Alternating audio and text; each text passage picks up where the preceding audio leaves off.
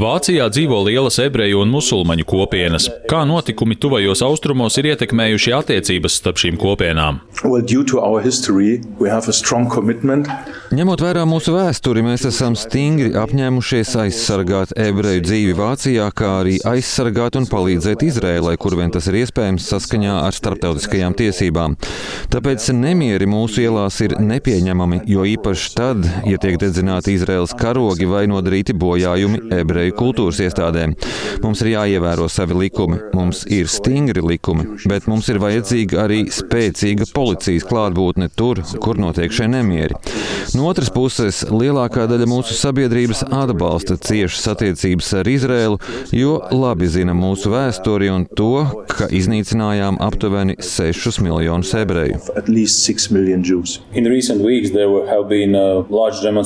Pēdējās nedēļās Eiropā ir notikušas plašas demonstrācijas palestīniešu atbalstam, bet vai vietējie musulmaņu līderi ir pietiekami stingri nosodījuši teroristiskā grupējuma Hamas asiņaino uzbrukumu Izrēlai? Es tā nedomāju. Mēs redzam novirzīšanos no temata, vainojot otru pusi. Mēs redzam mēģinājumus ievērot viltus neutralitāti, bet es neredzu, ka viņi patiešām norādītu uz Hamas, kas mēģina iznīcināt Izraels tiesības uz pastāvēšanu. Hamas nogalināja mazuļus, mātes, ļoti jaunus cilvēkus un vecus ļaudis. Viņi necīnījās tikai pret izrēliešu karavīriem, viņi mēģināja iznīcināt veselas ģimenes un viņi Viņi arī iznīcināja veselas ģimenes. Viņi nolaupīja simtiem Izraels un citu valstu pilsoņus. Viņi vēlas iznīcināt, viņi vēlas vairot bailes, zvērības un teroru. Tāpēc mums pret viņiem ir jācīnās un ir cieši jāatbalsta Izraela.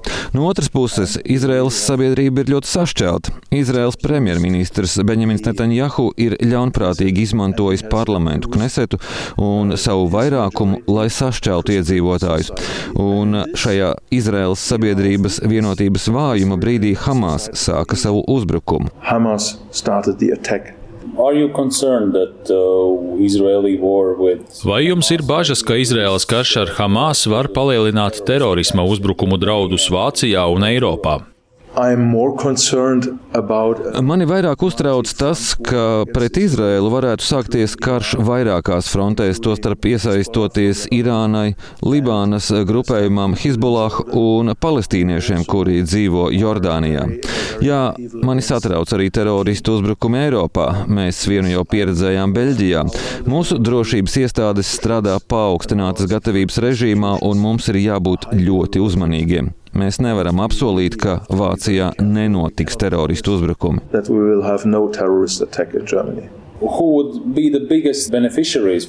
Kas būtu lielākie ieguvēji no plašāka mēroga kara tuvajos austrumos?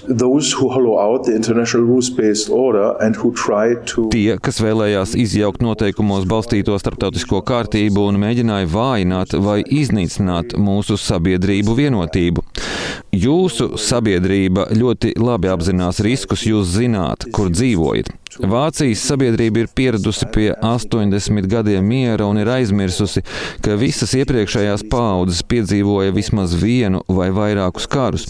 Tāpēc ir ārkārtīgi svarīgi, lai mēs Eiropā mācītos no tām valstīm, kuras jau ir mainījušas savu strateģisko kultūru. Tās ir Baltijas valstis, tās ir Skandināvijas valstis, un es ticu, ka pēc kara pret Ukrainu un mūsu dzīvesveidu mums būs jauna Eiropa. Es redzu, ka jaunās Eiropas ietekmes centrs pārvirzīsies uz austrumiem. Tā būs vairāk vērsta uz aizsardzību, noturīgāka, inovatīvāka un transatlantiskāk noskaņota. Lielākie ieguvēji no Izraēlas un Hamas kara ir Krievija, ilgtermiņā arī Ķīna, bet tuvajos austrumos - Irāna. Mēs zinām, ka šīs trīs valstis lieliski sadarbojas, un tas nav mūsu interesēs.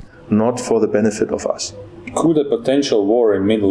Vai iespējamais karš tuvajos austrumos varētu samazināt rietumu atbalstu Ukrainai, jo mēs jau tagad redzam, ka rietumu vadošie mediji ir pārvirzījuši savu uzmanību no Ukrainas uz tuvajiem austrumiem? Tās ir manas lielākās bažas.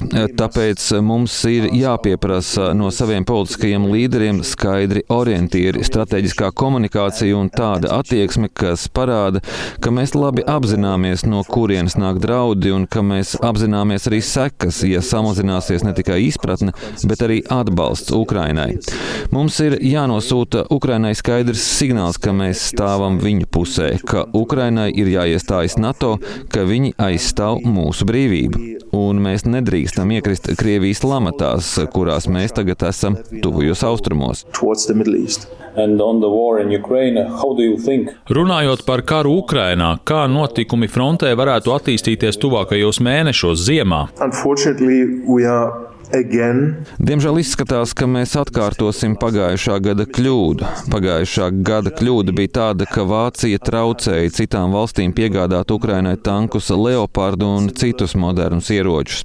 Rietumu valstis nesniedza pietiekamu atbalstu Ukrainai tās pretuzbrukumā pērn septembrī. Šis pretuzbrukums apstājās, un Krievijas karaspēks varēja izveidot stiprus nocietinājumus. Un, ja mēs tagad nesagādāsim, nesaražosim un nenosūtīsim pie pietiekami daudz bruņojumu Ukrainai, tad tas atkārtosies arī šogad, bet jau ar daudz lielākiem dzīvā spēka zaudējumiem. Tāpēc es nesaprotu Vācijas kanclera Olafa Šolca lēmumu nepiegādāt Ukrainai tāls darbības rādījus raķetes Taurus, jo mūsu interesēs būtu, lai Krievijas prezidenta Vladimira Putina varas simbols Krīma būtu pilnībā atbrīvota un atgrieztos Ukrainas kontrolē. Putina liktenis ir piesaistīts Krīmai. Ja Krievijai būs jāizvācas no Krimas, tad Putina režīmam būs beigas. Manuprāt, dažas valstis, tostarp Vācija, joprojām tic, ka sarunas ar Putinu radīs mazāku kaitējumu nekā Ukrainas uzvara karā. Mūsu uzdevums nav palīdzēt Ukrainai aizstāvēt savu suverenitāti un teritoriālo nedalāmību. Mūsu uzdevums ir palīdzēt Ukrainai nonākt tādā pozīcijā, lai tā varētu atbrīvot savu teritoriju un atjaunot savu suverenitāti un teritoriālo nedalāmību. Tajā pašā laikā mums ir jānodod Krievijai vēstījums, ka tai ir jāiemācās zaudēt.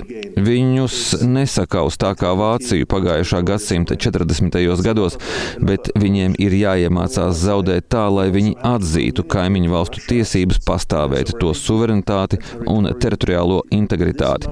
Tādam ir jābūt mērķim. Pretējā gadījumā būs daži miera gadi pēc tam Krievija atkal sāks karu, jo viņi ir definējuši, ka visām bijušajām padomi republikām ir jābūt Krievijas federācijas sastāvā, ka visām bijušajām Varšavas pakta valstīm ir jāizstājas no NATO. Tas ir pilnībā nepieņemami.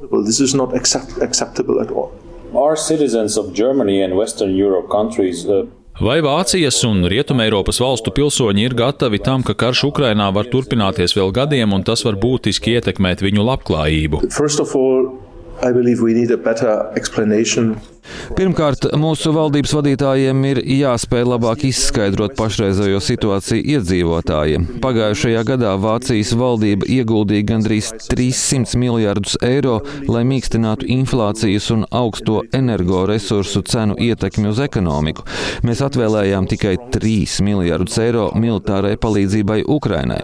Vācija joprojām ir ceturtā lielākā ekonomika pasaulē, tās budžets ir 450 miljardi eiro, bet mēs pērn atļāvāmies atvēlēt Ukrainai tikai 3 miljardus eiro. Kancleram un citiem valdības locekļiem ir jāpaskaidro sabiedrībai, ka šis varētu būt ilgstošs karš. Un kas attiecas uz labklājību, Vācijas brīvība un demokrātija ir cieši saistīta ar labklājību. Ja nav labklājības, cilvēki jautā, kāpēc mums ir vajadzīga demokrātija. Mums ir aptuveni 25 līdz 30 procentu iedzīvotāju, kas tic spēcīgiem līderiem un Krievijas vēstījumam. Tāpēc mums ir vajadzīga skaidra orientācija, attieksme un strateģiskā komunikācija no tiem, kas aizstāv noteikumos balstītu kārtību Vācijā. Un gal galā mums ir jāpārdefinē labklājība.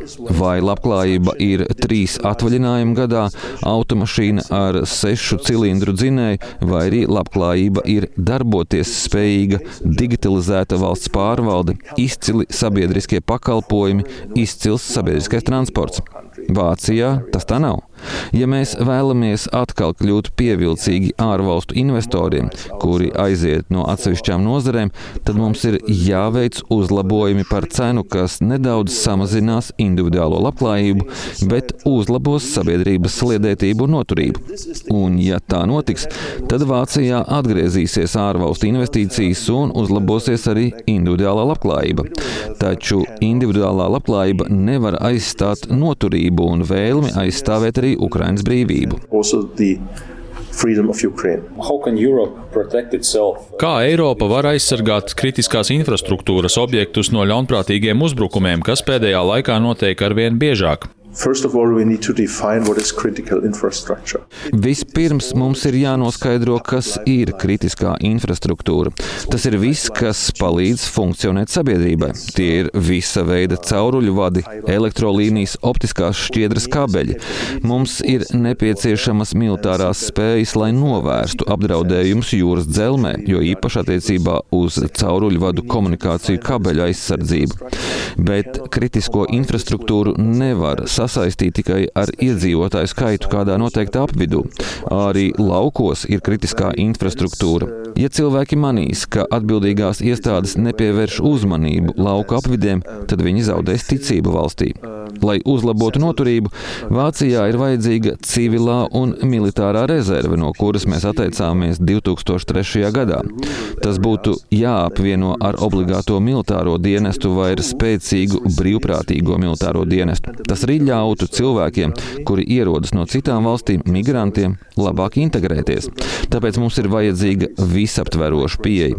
Un mums ir jābūt arī drošības veicinātājam, nevis jāuztver mūsu kaimiņi kā buferzona. Mums ir jābūt spēcīgam balstam mūsu kaimiņiem.